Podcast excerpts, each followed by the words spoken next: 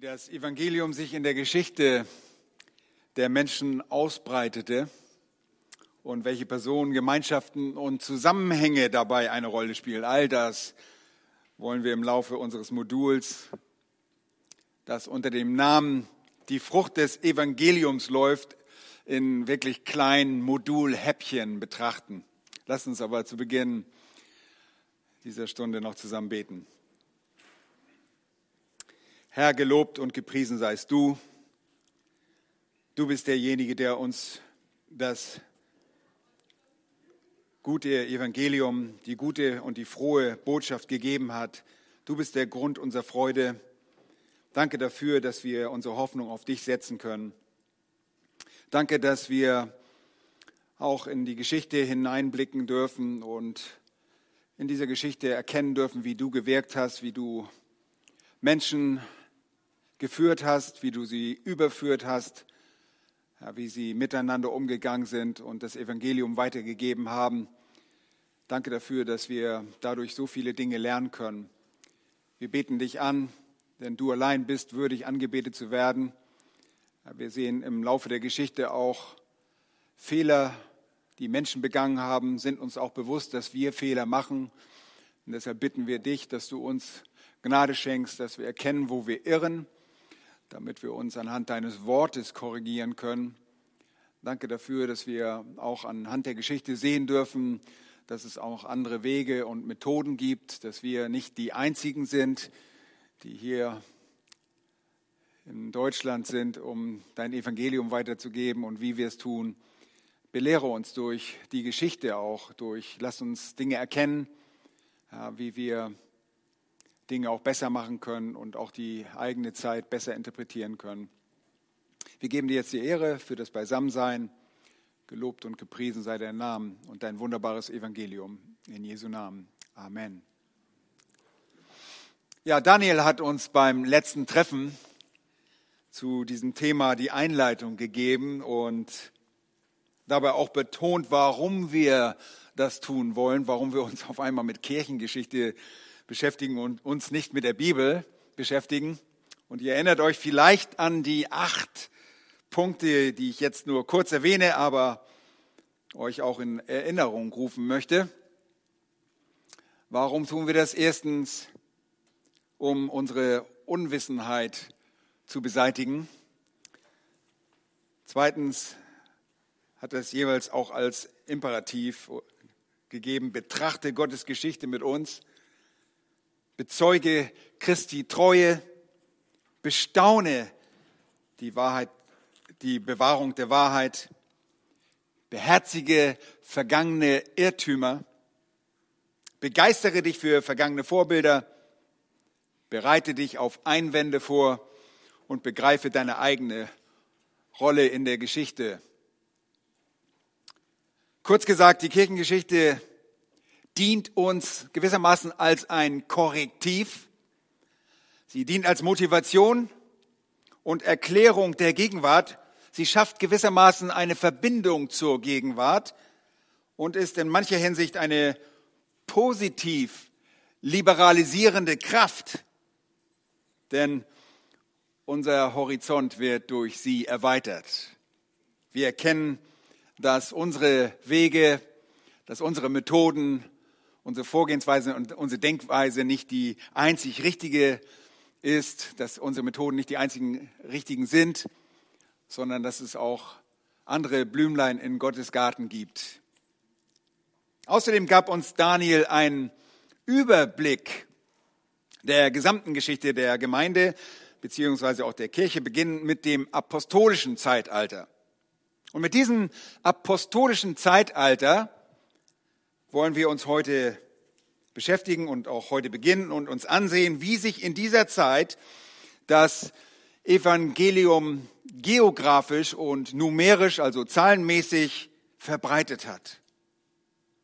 Und dieses Zeitalter beginnt, wie der Name schon sagt, mit den Aposteln, den Aposteln des Herrn Jesus Christus, der diese Männer speziell einen Sendungsauftrag gegeben hatte, der zum Weitergeben verpflichtete. um dessen Inhalt, dem Inhalt des Sendungsauftrages gerecht zu werden. Und wir erinnern uns an eine bekannte Verse unseres Herrn Jesus Christus. Nach seiner Auferstehung sagt er in Johannes 20 und Vers 21, schreibt der Friede sei mit euch. Gleich wie mich der Vater gesandt hat, so sende ich euch. Übrigens, das äh, griechische Wort Apostolos bedeutet Gesandter. Es geht um die Zeit der Gesandten. Und äh, dazu musste man gehen. Und so werden diese Jünger zu Aposteln, Gesandten Jesu Christi, weil er direkt ihnen den Auftrag gibt, zu gehen. Später an dem Treffpunkt, mit, äh, an dem Jesus sich mit seinen Jüngern verabredet hatte in Galiläa, auch nach der Auferstehung, sagt er die uns so bekannten Worte zu den Jüngern, den Missionsbefehl, wie wir ihn aus Matthäus 28 kennen. Dort sagt er in Vers 18, mir ist gegeben alle Macht im Himmel und auf Erden, so geht nun hin und macht zu Jüngern alle Völker und tauft sie auf den Namen des Vaters und des Sohnes und des Heiligen Geistes und lehrt sie halten, was ich euch befohlen habe. Und zwar alles halten, was ich euch befohlen habe. Und siehe, ich bin bei euch alle Tage bis an das Ende der Weltzeit. Amen. Und noch vor der Himmelfahrt, und Sam hat diese Verse vorhin schon vorgelesen, mit den letzten Worten Jesu hier auf Erden erinnert er sie, diese Männer, an den Auftrag, den sie erfüllen werden. Dort heißt es in Apostelgeschichte 1, Vers 8, Ihr werdet Kraft empfangen, wenn der Heilige Geist auf euch gekommen ist. Und ihr werdet meine Zeugen sein in Jerusalem und in ganz Judäa und Samaria und bis an das Ende der Erde. Das ist gewissermaßen die Aufteilung der Apostelgeschichte in, nach geografischen Einheiten. Wir erkennen also zunächst den Charakter dieser apostolischen Ära der nämlich von der Weitergabe des Evangeliums geprägt sein wird. Die Kirchengeschichte ist demnach auch Missionsgeschichte. Sie zeigt uns die Frucht des Evangeliums. So nennen wir das ja auch, dieses Modul, die Frucht des Evangeliums, das, was aus dem Evangelium entstanden ist. Das wollen wir bezeugen und das wollen wir uns ansehen.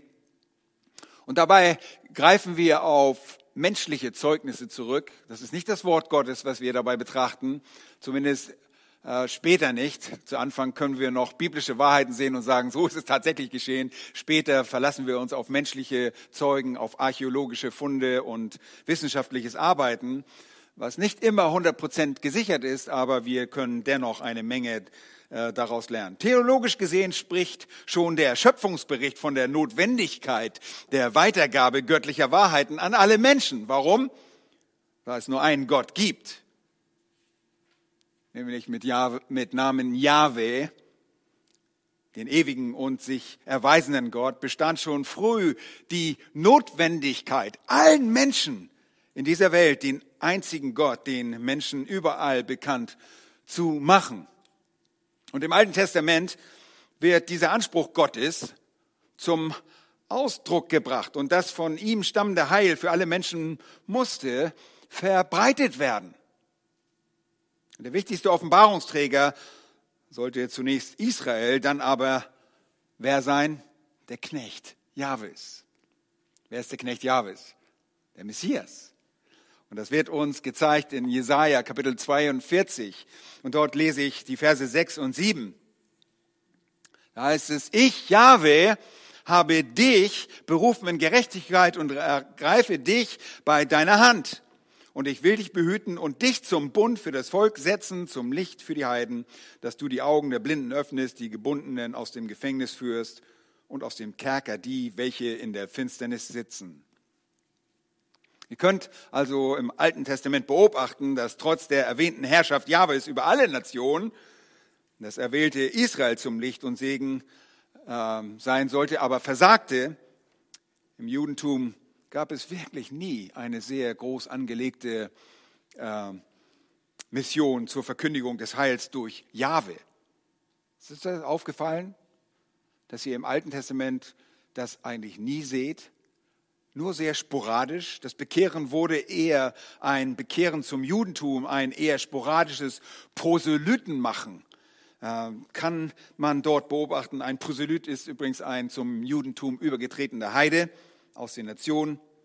Mission, ihr Lieben, wird erst auf dem Hintergrund der Person und der Sendung Jesu, wie das bei den Aposteln, wie wir das dort lesen, ja, möglich. Und obwohl die Worte Jesu so klar waren zu den Juden, zu der Zeit Jesu, was den Auftrag der Weitergabe des Evangeliums angeht, gab es im jüdisch geprägten Christentum, und das erste Christentum war wirklich jüdisch geprägt, gab es einen Ring hin zu einer umfassenden Heidenmission. Die haben nicht gleich gesagt, okay, alles klar, lass uns losgehen. Das jüdische Denken hatte Einfluss, wirklich sehr großen Einfluss auf die Art und Weise, ähm, wie man sich versammelte. Und man machte dabei auch Jerusalem, ganz wie es im Judentum das Zentrum zur Anbetung war, auch zum Ausgang der Mission, auch bei den Heiden. Und das Judentum wirkte sich dabei nicht immer positiv auf das Christentum aus. Und so tat man sich sehr schwer, ein vom Gesetz befreites Evangelium unter den Heiden zu verkündigen. Versteht ihr das? Das Konzil von Jerusalem in der Apostelgeschichte 15 ist ein Zeugnis davon. Es macht es sehr deutlich, wie schwierig das den Juden fiel, zu Heiden zu gehen. Erst durch den Apostel Paulus kam ein gewisser Durchbruch zur Durchdringung, äh, zur Evangelisierung der Welt. Er, der in seinem Schreiben immer wieder auf das vom Gesetz befreite Evangelium äh, zu sprechen kommt, und die neue Heilskörperschaft der Gemeinde hervorhebt, die aus Juden und Heiden bestand. Ihr könnt es mal selbst nachlesen. Wir haben jetzt nicht die Zeit. Epheser 2, Verse 11 und die folgenden. Dort spricht er von dieser Heilskörperschaft. Ich möchte mit euch, und ich habe keine wunderbare äh, PowerPoint-Präsentation, ihr müsst sie in eurem Kopf ablaufen lassen. Auf Punkt A komme ich. Die innerlich begünstigenden Faktoren der Heidenmission. Drei den Christen ähm, wichtige innere, wesentliche Faktoren, die begünstigen nebst dem Auftrag des Herrn die Mission unter den Heiden. Als allererstes ist dort der Punkt, der Herr kam trotz der frühen Naherwartung der Christen nicht sofort wieder. Der Herr kommt trotz einer Naherwartung unter den Christen nicht sofort wieder. Nun, inwiefern begünstigt das die Heidenmission? Man erkannte in dem nicht sofortigen Erscheinen des Herrn, wisst ihr, Paulus spricht, wir, die wir leben, werden mit dem Herrn, äh, mit den Toten hingerückt. Nein, man erkannte darin die Gnadenzeit zur Buße für die Heiden. Und Petrus schreibt das und drückt es in 2. Petrus Kapitel 3 und Vers 9 auch sehr vortrefflich aus. Da sagt er, der Herr verzögert nicht die Verheißung hinaus, wie etliche es für ein Hinauszögern halten, sondern er ist langmütig gegen uns, weil er nicht will, dass jemand verloren gehe, sondern dass jedermann Raum zur Buße habe. Gottes Langmut wurde genutzt, um im Angesicht der bevorstehenden Wiederkunft die Mission unter den Heiden voranzutreiben. Zweitens, das deutliche Wirken Gottes unter den Heiden bei der Ausbreitung des Evangeliums. Wir sehen das deutliche Wirken Gottes unter den Heiden bei der Ausbreitung des Evangeliums. Das wirkte sich begünstigend aus. Natürlich. Wie hat Gott gewirkt? Er gab erstmal den den Aposteln was? Den Heiligen Geist, haben wir gerade gelesen, die Kraft. Und in der Apostelgeschichte gab der Herr selbst so deutlich Zeugnis davon, dass das Evangelium auch für die Heiden bestimmt ist.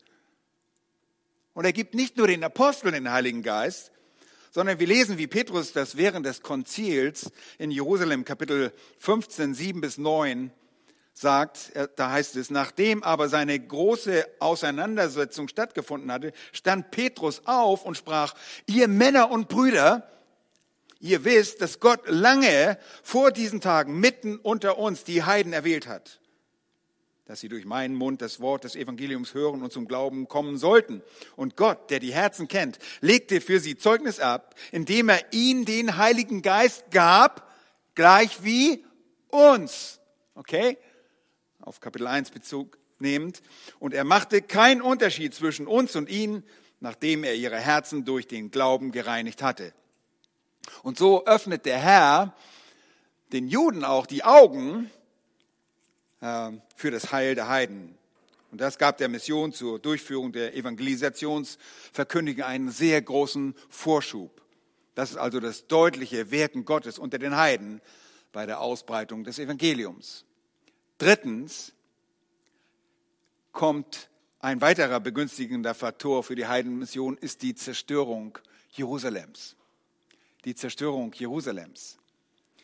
Nun, die Römer führten äh, im Jahre 70 nach Christus durch die komplette Zerstörung Jerusalems nicht nur für die Juden eine nationale religiöse Katastrophe herbei.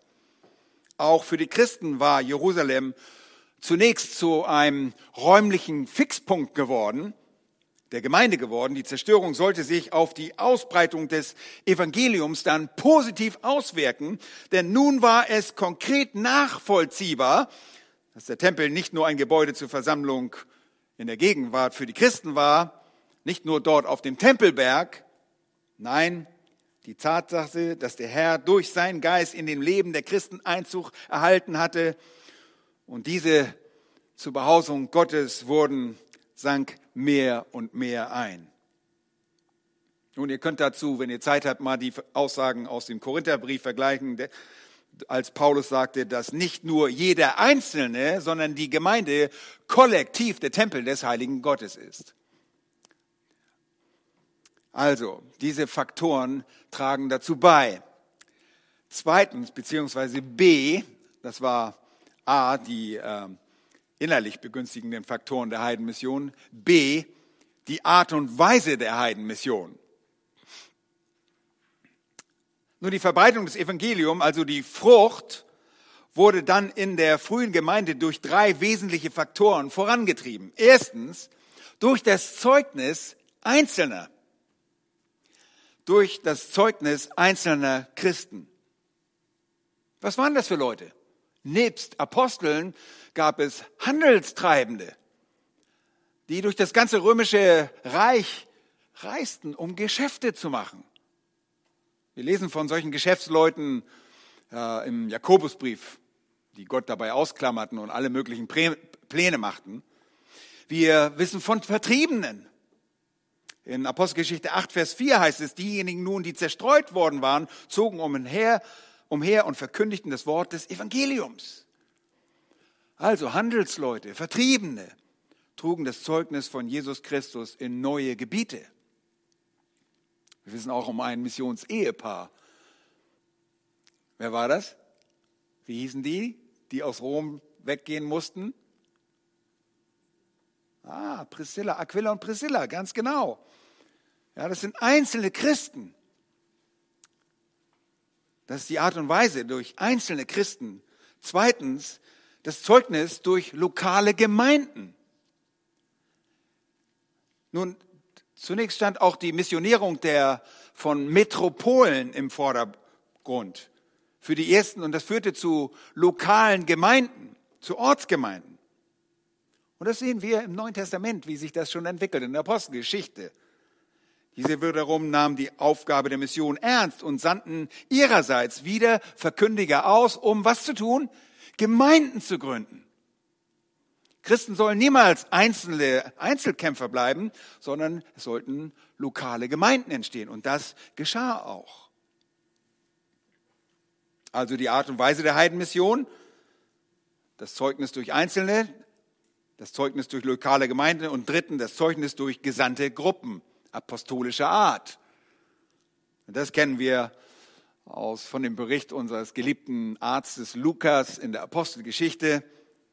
Allen voraus sehen wir das in Apostelgeschichte 13, Vers 2. Ihr erinnert euch, der Gemeinde im syrischen Antiochia. Von dort aus wurde die erste Missionsreise gestartet.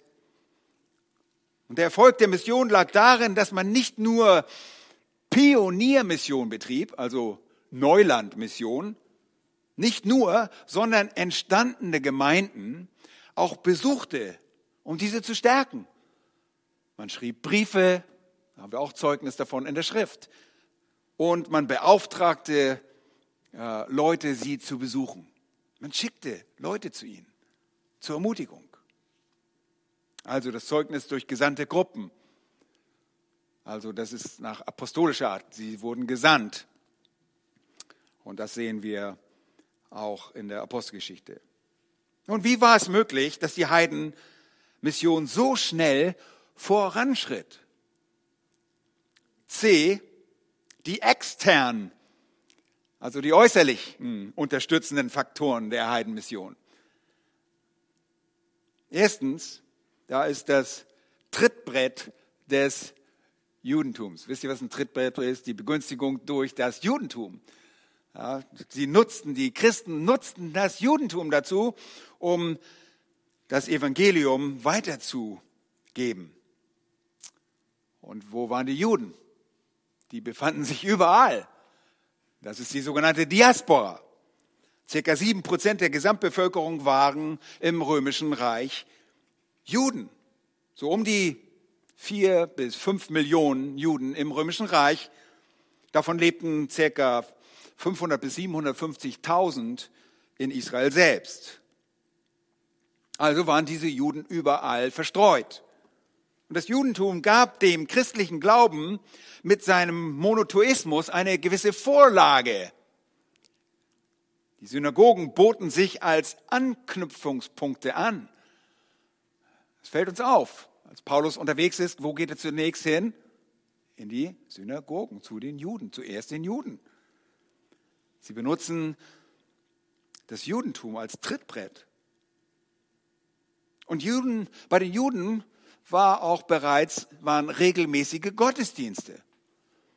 Und das unterstützte auch das Christentum, denn auch wir feiern regelmäßige Gottesdienste. Im Römischen Reich war das Interesse am Judentum nicht sehr groß. Es gab selbst nur wenige Übertritte von Proselyten, also Heiden zum Judentum. Gründe mögen dabei verschieden gewesen sein. Eine der Gründe war sicherlich auch die Beschneidung, die erforderte Beschneidung. Das gab es im Christentum nicht, beim Christentum nicht. Die haben gesagt, ihr braucht keine Beschneidung, ihr müsst euer Herz beschneiden lassen. Und das war ein gewisses Vorbereiten für das Christentum. Dennoch waren auch die Menschen schon vorbereitet durch eine strenge Ethik, die auch bei den Juden vorhanden war und er war, bereitete den Boden vor für das Christsein. Also erstens, ein extern unterstützender Faktor war das Trittbrett des Judentums. Zweitens, die Einheit durch Griechenland. Das kann man unterschiedlich nennen. Ähm, man kann das Hellenisierung nennen. Das bedeutet, Griechenland durch den griechischen Einfluss, durch Alexander den Großen, gab es eine Hellenisierung. Vieles wurde griechisch, so auch die Sprache. Die Weltsprache war griechisch und verhalf der Verbreitung des Evangeliums enorm. Es ist ein Riesenvorteil, wenn man nicht alle Sprachen lernen muss, sondern eine Sprache, die alles verbindet. Und das half sehr bei der Verbreitung des Evangeliums der Heiden, um den Evangeli das Evangelium den Heiden zu bringen. Es gab auch eine gemeinsame Kultur beziehungsweise Elemente, die äh, durch die Hellenisierung vereinheitlicht wurden. Es gab eine relative Einheitlichkeit, was wiederum die Ausbreitung des Evangeliums begünstigt hat. Und das sind alles Punkte, die ich länger ausführen könnte, aber ich muss voran. Drittens ist die Macht und Politik des Römischen Reiches aus militärischen Absichten und Zielen, die sie verfolgten, bauten sie ein, aus, ein ausgeklügeltes, ein wunderbares Straßensystem. Es wurde so gut ausgebaut, dass man sehr schnell von A nach B reisen konnte.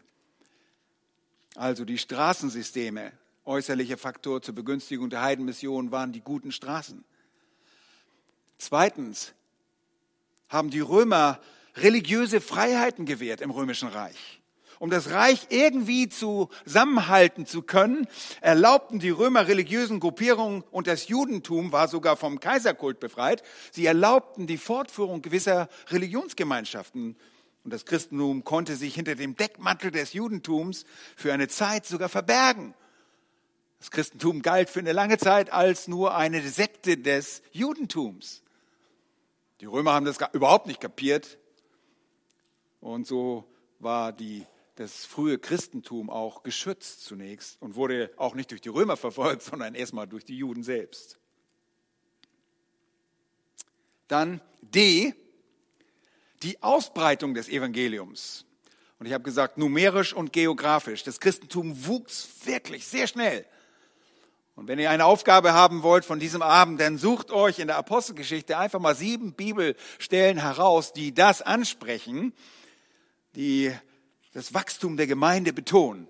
Ihr findet die sehr schnell. Es wird oft betont, das Wort des Herrn wuchs. Sieben Stellen.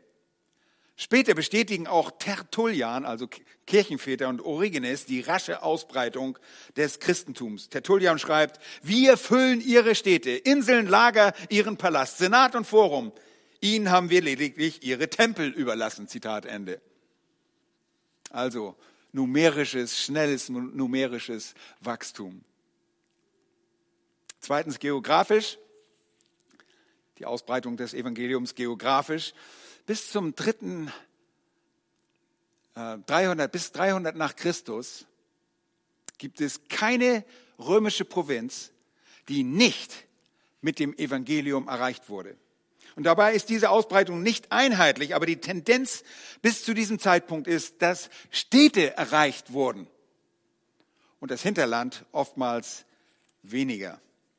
Erreicht wurden vor allem und nachweislich a die Gebiete der Tetrarchen, also Israel selbst, einige sagen Palästina dazu, okay.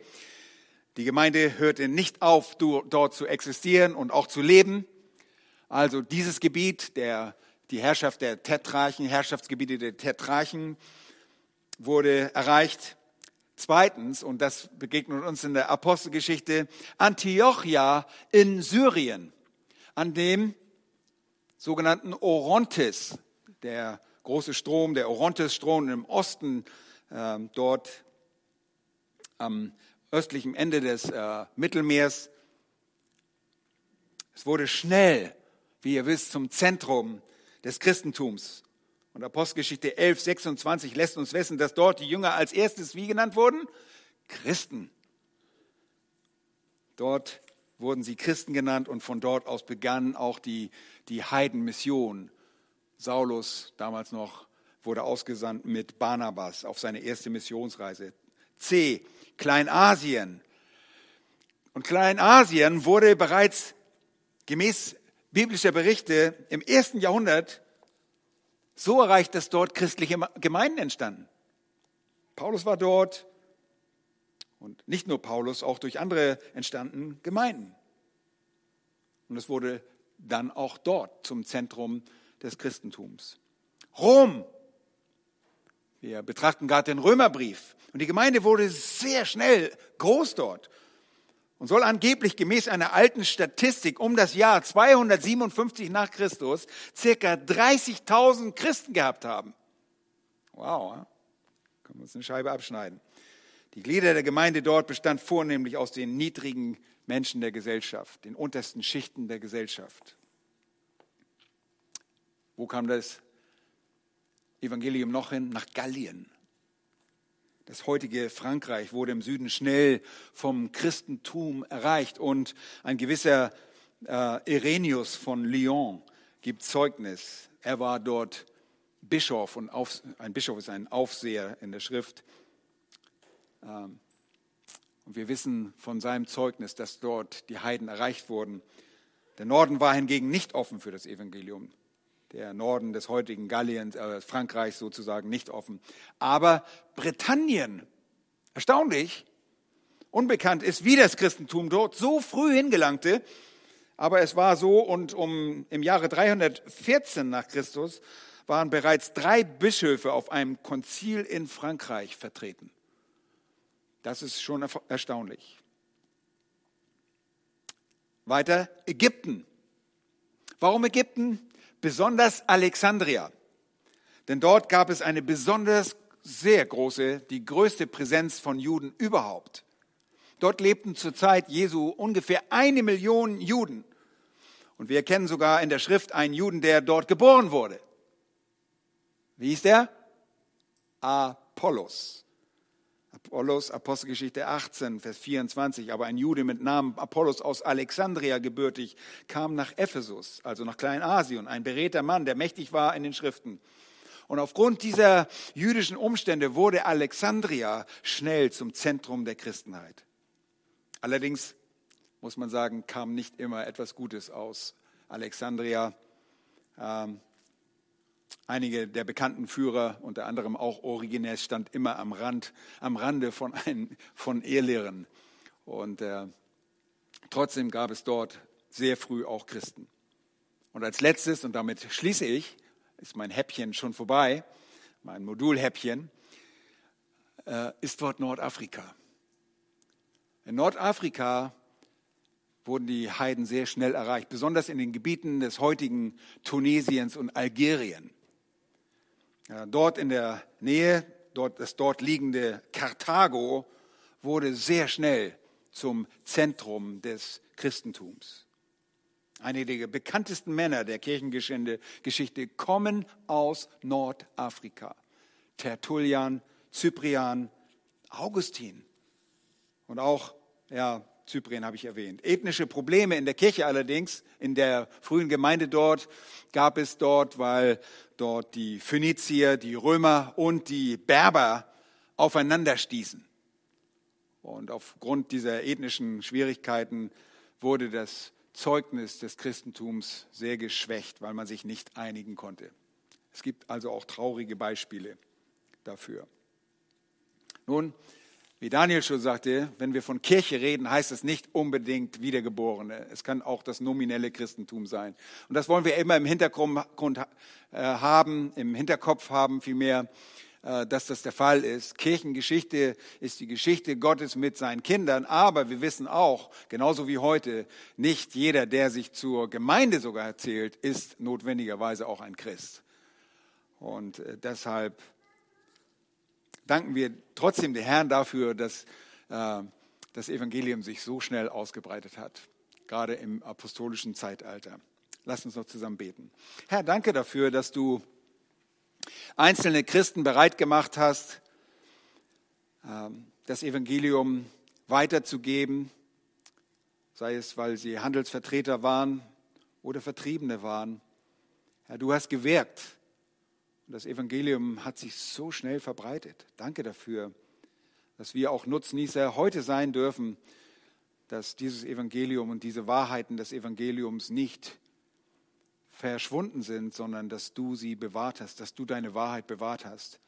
Wir danken dir von ganzem Herzen, dass es mutige Christen gab am Anfang, die sogar bereit waren, dafür zu sterben. Denn sehr bald gab es auch eine Ver Verfolgung. Wir wissen durch die Verfolgung durch die Juden und später sporadische Verfolgung durch das römische Reich und später, noch später sogar organisierte Verfolgung im römischen Reich die von staatlicher Seite angesetzt wurden. Danke dafür, dass das, das im frühen Christentum nicht dazu gereicht hat, dein Glauben, dein Evangelium zum Erlöschen zu bringen.